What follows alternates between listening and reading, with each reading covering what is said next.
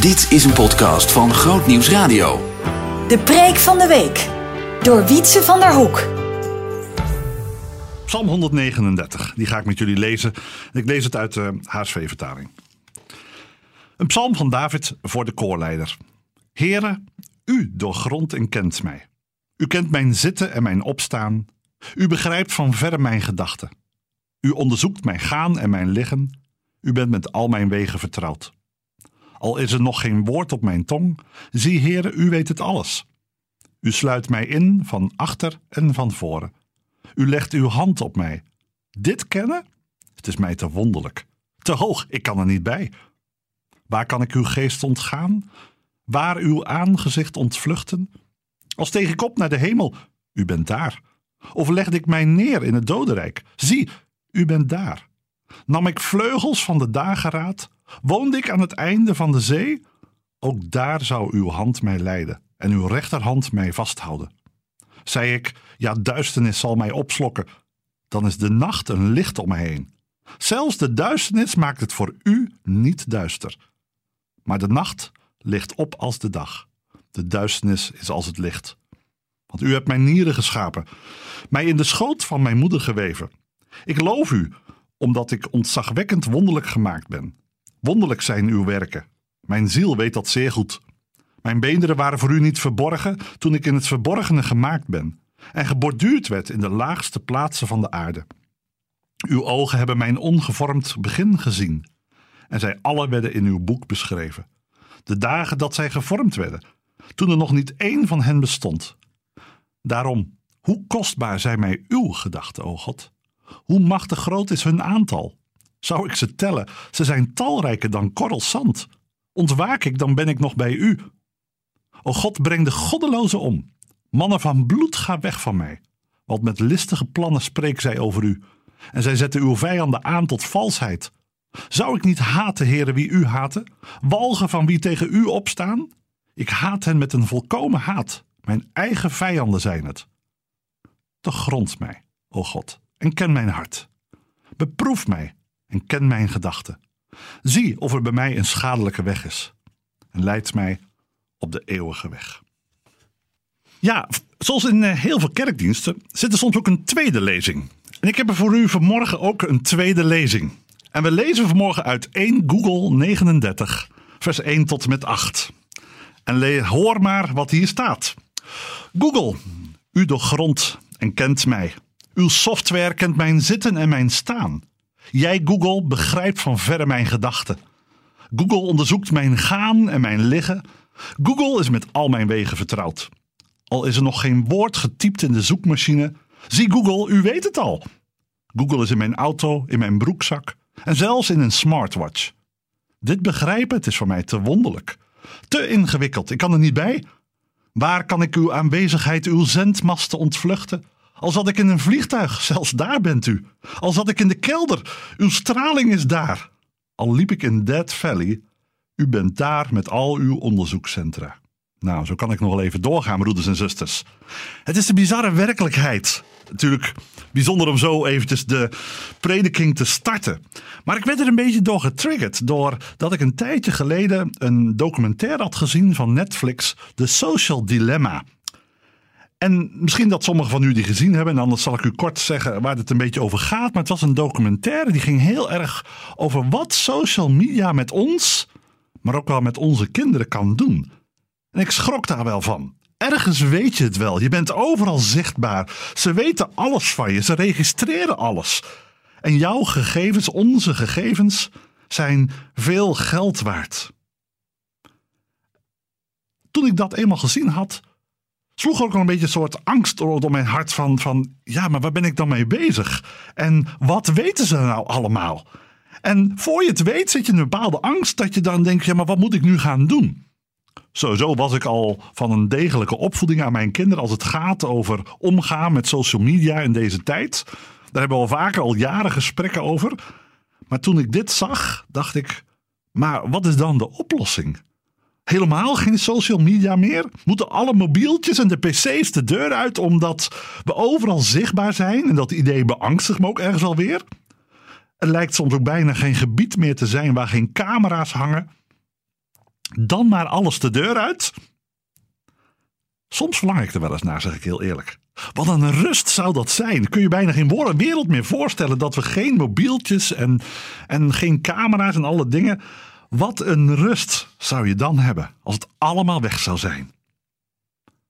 Maar dan zegt Psalm 139, dat had je gedacht. Want Psalm 139, die spreekt niet over Google die alles ziet, maar over een God die alles weet en alles ziet. In negatieve zin zouden we God bijna nog extremer dan Google kunnen neerzetten. Zoals ook in bepaalde kringen kan gebeuren. Dat er een godsbeeld kan ontstaan van de bedreigende, alwetende, allesziende God.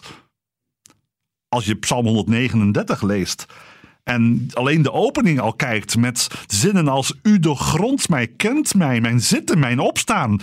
Ja, dan denk ik aan Google. Maar als ik Psalm 139 lees, dan, dan kan ik mij voorstellen dat dit voor mensen heel bedreigd kan zijn. De God die alles weet en alles ziet. Ik kan me dan bijna voorstellen, liever bij God vandaan wil rennen, dan dat je dichtbij zijn.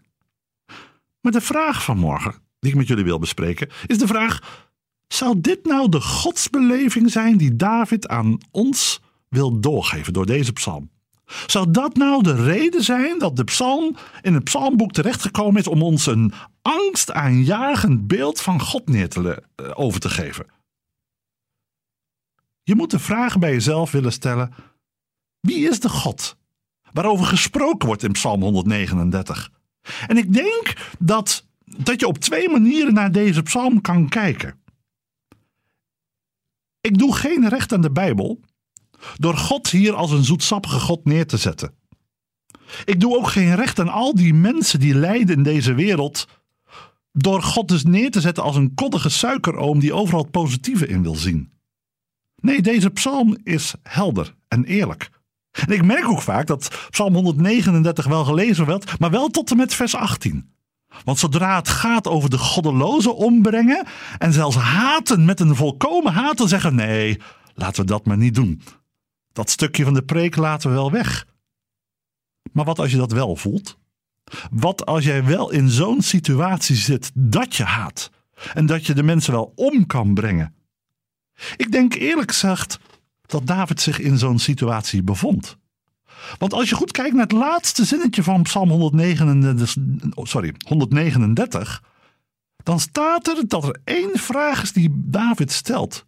Heere God, vers 24, zie of er bij mij een schadelijke weg is. Wat is dat dan, die schadelijke weg? Nou, dat zou wel eens kunnen zijn dat je je boosheid laat regeren. Dan kan het zomaar zijn dat al die gedachten helemaal niet zo prettig kunnen zijn. Deze psalm laat alle onderdelen van het leven zien. Deze psalm spreekt niet over een, een afstandige God, maar die spreekt over een God waar je zelfs dit soort gedachten kunt vertellen. Ik haat mensen, ik weet niet om te gaan met het moeilijke. En deze God, die weet dat, die kent dat en hij doorgrondt het. Mij spreekt deze psalm daarom zo aan. En ik durf te zeggen dat andere wat ik eerst zei klopt ook wel. Ik denk dat deze psalm vreselijk is voor goddeloze mensen. Vreselijk voor goddeloze mensen die zonder God willen leven. Deze psalm is afschuwelijk voor mensen die denken overal weg te kunnen komen. Die uiteindelijk mogen beseffen dat God het weet, God het ziet, God overal en nergens is. En nergens is Hij te ontvluchten. En ik denk zelfs als we de hele Bijbel serieus nemen, dat wij mogen weten dat zelfs in de dood God niet te ontvluchten is. Ja, in de ogen van de wereld is God een bedreigende ouderwetse bemoeial, die hun goddeloze leven en denken belemmert. Daarom kunnen ze alleen nog maar iets met God als God precies denkt zoals zij. En net als de boeddha's die ze opgesteld hebben in ieder hoek van het huis, hen vriendelijk toelacht bij alles wat ze doen. Voor die God is deze God, de God van Israël, een bedreiging. Maar niet voor Godvrezende mensen. Voor Godvrezende mensen is het een troost te weten dat God alles weet. Als we lijden om Christus wil, als het leven tegenzit, Als er dingen gebeuren in je leven die je nooit bedacht had, maar die toch gebeurd zijn, dan is het een troost dat als jij geen woorden kunt bedenken, dat er een God is die weet. Dat er een hand is die van achteren, van voren, op mij en onder mij is. Dat ik niet dieper kan vallen dan de hand van God in mijn leven kan gaan. Nee, dit is ook het antwoord voor David, die op zoek was naar die schadelijke weg en die graag op de eeuwige weg wil lopen. Dit is niet een weerspiegeling van een mijmerend momentje onder harpspel in het sterrenlicht op het balkon van koning David, zoals wij deze psalm vaak benaderen. Deze psalm is de weerspiegeling van een hersenkraker, waarin David waarschijnlijk voor een moeilijke keus staat en niet in eigen kracht wil wandelen, maar God om hulp vraagt. En eerlijk is naar God. Ja, Heer, ik heb ook misschien kwade gedachten. Ja, Heer, er zijn wegen die niet goed zijn in uw ogen. Heer, help mij die schadelijke weg te ontdekken. Leid mij. En u, u weet alles. U onderzoekt mijn gaan en mijn liggen. In vers 3. En dan staat er: U bent met al mijn wegen vertrouwd. Dat is voor mij geen bedreiging. Dat is voor mij een troost. Dat er iemand is, de schepper van hemel en aarde, die het weet. Die mijn gedachten kan proeven en weten en snappen. Zelfs de diepste zwarte gedachten die wij soms kunnen hebben. Die dingen die je zelfs met mensen niet kunt bespreken. Nee, als we kijken naar de werkwoorden van Psalm 139 die gebruikt worden, dan lees ik prachtige woorden. Het woord kennen, begrijpen, onderzoeken, vertrouwd zijn, weten, insluiten, een hand leggen op. Een heel rijtje met werkwoorden die we in de eerste versen zien. Wij zien hier de God bij wie we juist veilig zijn. Niet de God die alles van ons eist. Niet de God die uit is om onze levens te gebruiken voor eigen doeleinden. Zoals Google soms kan doen. Waar het alleen maar gaat om de nummertjes en de getalletjes en de data. Hier zien we een God die persoonlijk met ons betrokken is. Als David God had willen neerzetten als een angstaanjagende boeman, dan had hij de laatste zinnen van de psalm wel weggelaten. Dan had hij niet geschreven: Doorgrond mij en ken mijn hart. Dan had hij gezegd: Blijf maar op afstand, want als u echt werkelijk weet wie ik ben, dan wilt u niks met mij te maken hebben. Dat is soms wel hoe wij in het leven kunnen staan. En als ik naar mijn eigen leven kijk, soms hoe ik zelfs God wel eens op afstand heb gezet. Met die moeilijke gedachte: Heer, als u me echt kent, wilt u niks meer met mij te maken hebben. misschien zit jij, luisteraar, ook wel soms met die gedachte. En troost je met deze psalm. God weet het. Maar laat dat geen angst bij je aanjagen. Maar zie het als vertroostend. Ga het gesprek aan met God. Durf die woorden, die slotwoorden van Psalm 139 ook in je eigen levens toe te passen. Vraag God maar eens of hij je echt wil doorgronden. Vraag God om die beproeving van je gedachten. Hoe zegenrijk is het als we niet bij Google op zoek gaan naar de eeuwige wegen, maar op zoek gaan bij God naar de eeuwige wegen. En Hem vragen of de wegen waarop wij wandelen goed zijn, of ze schadelijk zijn. Met die diepe vraag leidt mij op de eeuwige weg. Wat een fascinerende psalm. Een God die niet afwijst, een God die zelfs open staat voor onze zwartste gedachten. Zoals die versen van 19 tot 22 zeggen. Zou ik niet haten, heren, wie u haten? Ik haat hen met een volkomen haat. Nou, tegen wie durf je dat te zeggen? Deze psalm is daarin een troost.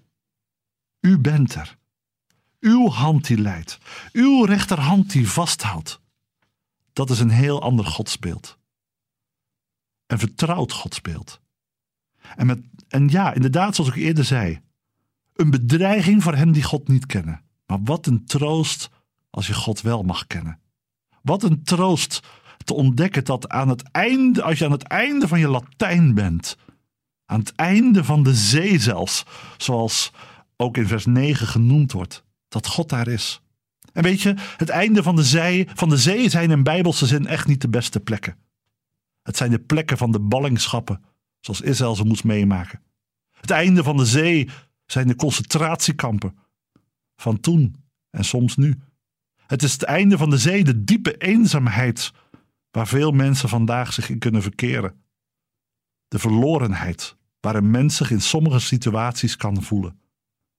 Ik hoop dat jouw godsbeeld zo mag zijn en misschien wel vanmorgen een verandering mag brengen dat deze psalm geen bedreiging is, maar een psalm van troost. Dat je door deze psalm mag ontdekken dat er een God is die met mensen onderweg wil zijn. Die niet zomaar wegvlucht, maar betrokken is op ons leven. Zo betrokken dat zijn eigen zoon de diepte van ellende zelf geproefd heeft. Hij die afgedaald is in het dodenrijk om voor ons leven te brengen. Die woorden mogen we terugzien, zelfs in 100, Psalm 139. De God die zelf de ellende geproefd heeft, maar bij ons een eeuwige weg heeft gebracht. Een nieuwe weg die ons weer bij de Vader brengt, die Hij geopend heeft door zelf te sterven voor onze zonden en ongerechtigheden, om de weg te openen naar de Vader. Als ons gebed mag zijn, leid mij Heer op de eeuwige weg, dan mogen we ook ontdekken dat die eeuwige weg geopend is. Door Christus de Zoon. Hij heeft de dood verslagen. Hij heeft de duisternis weggehaald. Hij is mens geworden, vertrouwd met onze wegen. Aanwezig in de dood. Een licht in de nacht, zoals deze psalm ook spreekt. En ja, de goddeloze, de dood, de ellende. Hij heeft ze omgebracht aan het kruis van Golgotha. Wat een troost dat God onze namen opschrijft in zijn boek. Geen merkteken van angst, maar een teken van troost en zekerheid. Het boek waarin we mogen geschreven staan. Hoe geweldig is dat te weten? Dat God ons begin gekend heeft, vers 16. En we zijn opgeschreven in zijn boek. Jezus zegt het ook in Lucas 10. Verblijd u erover dat uw namen opgeschreven zijn in de hemel. Wat een geweldige troost. We hebben niet Google te vrezen, Microsoft of Bill Gates, maar de Heere Heere. Hem hebben we te vrezen. Daarom, hoe kostbaar zijn mij uw gedachten, o God. Wij konden dit niet bedenken. De wegen die God heeft uitgestippeld. Hoe machtig groot zijn uw gedachten in een aantal? Als we Gods gedachten zouden tellen, ze zijn talrijker dan de korrels zand. Maar nog, als wij ontwaken, als gelovigen in Christus, dan ontwaken we niet in de dood. Dan ontwaken we niet aan het einde van de zee. Maar vers 18 zegt: Ontwaak ik, dan ben ik bij u. Die troost, broeders en zusters, mogen elkaar meegeven. En ik hoop dat je eens wil ontdekken wie God werkelijk is in je leven. Lees het woord van God. Proef zijn liefde. En als die eeuwige weg bewandeld gaat worden, dan is het de weg van Christus. Hij is ons voorgegaan. Hij heeft die weg van lijden, ja ook dat lijden, die moeilijke weg bewandeld, maar wel om ons voor te gaan. En wij mogen te wandelen in zijn spoor. Hij nodigt je uit tot zijn vrede, die eeuwige weg. Doorgrond ons, heren. Doorgrond ons en ken ons hart. Dat mag het gebed zijn ook deze ochtend. En als je nadenkt en verder gaat op die weg, wandel met hem in de kracht van zijn geest. En ik wens je daarbij toe God zegen. Geprezen is de naam van de Heer. Amen. Behoefte aan meer? Grootnieuwsradio.nl slash podcast.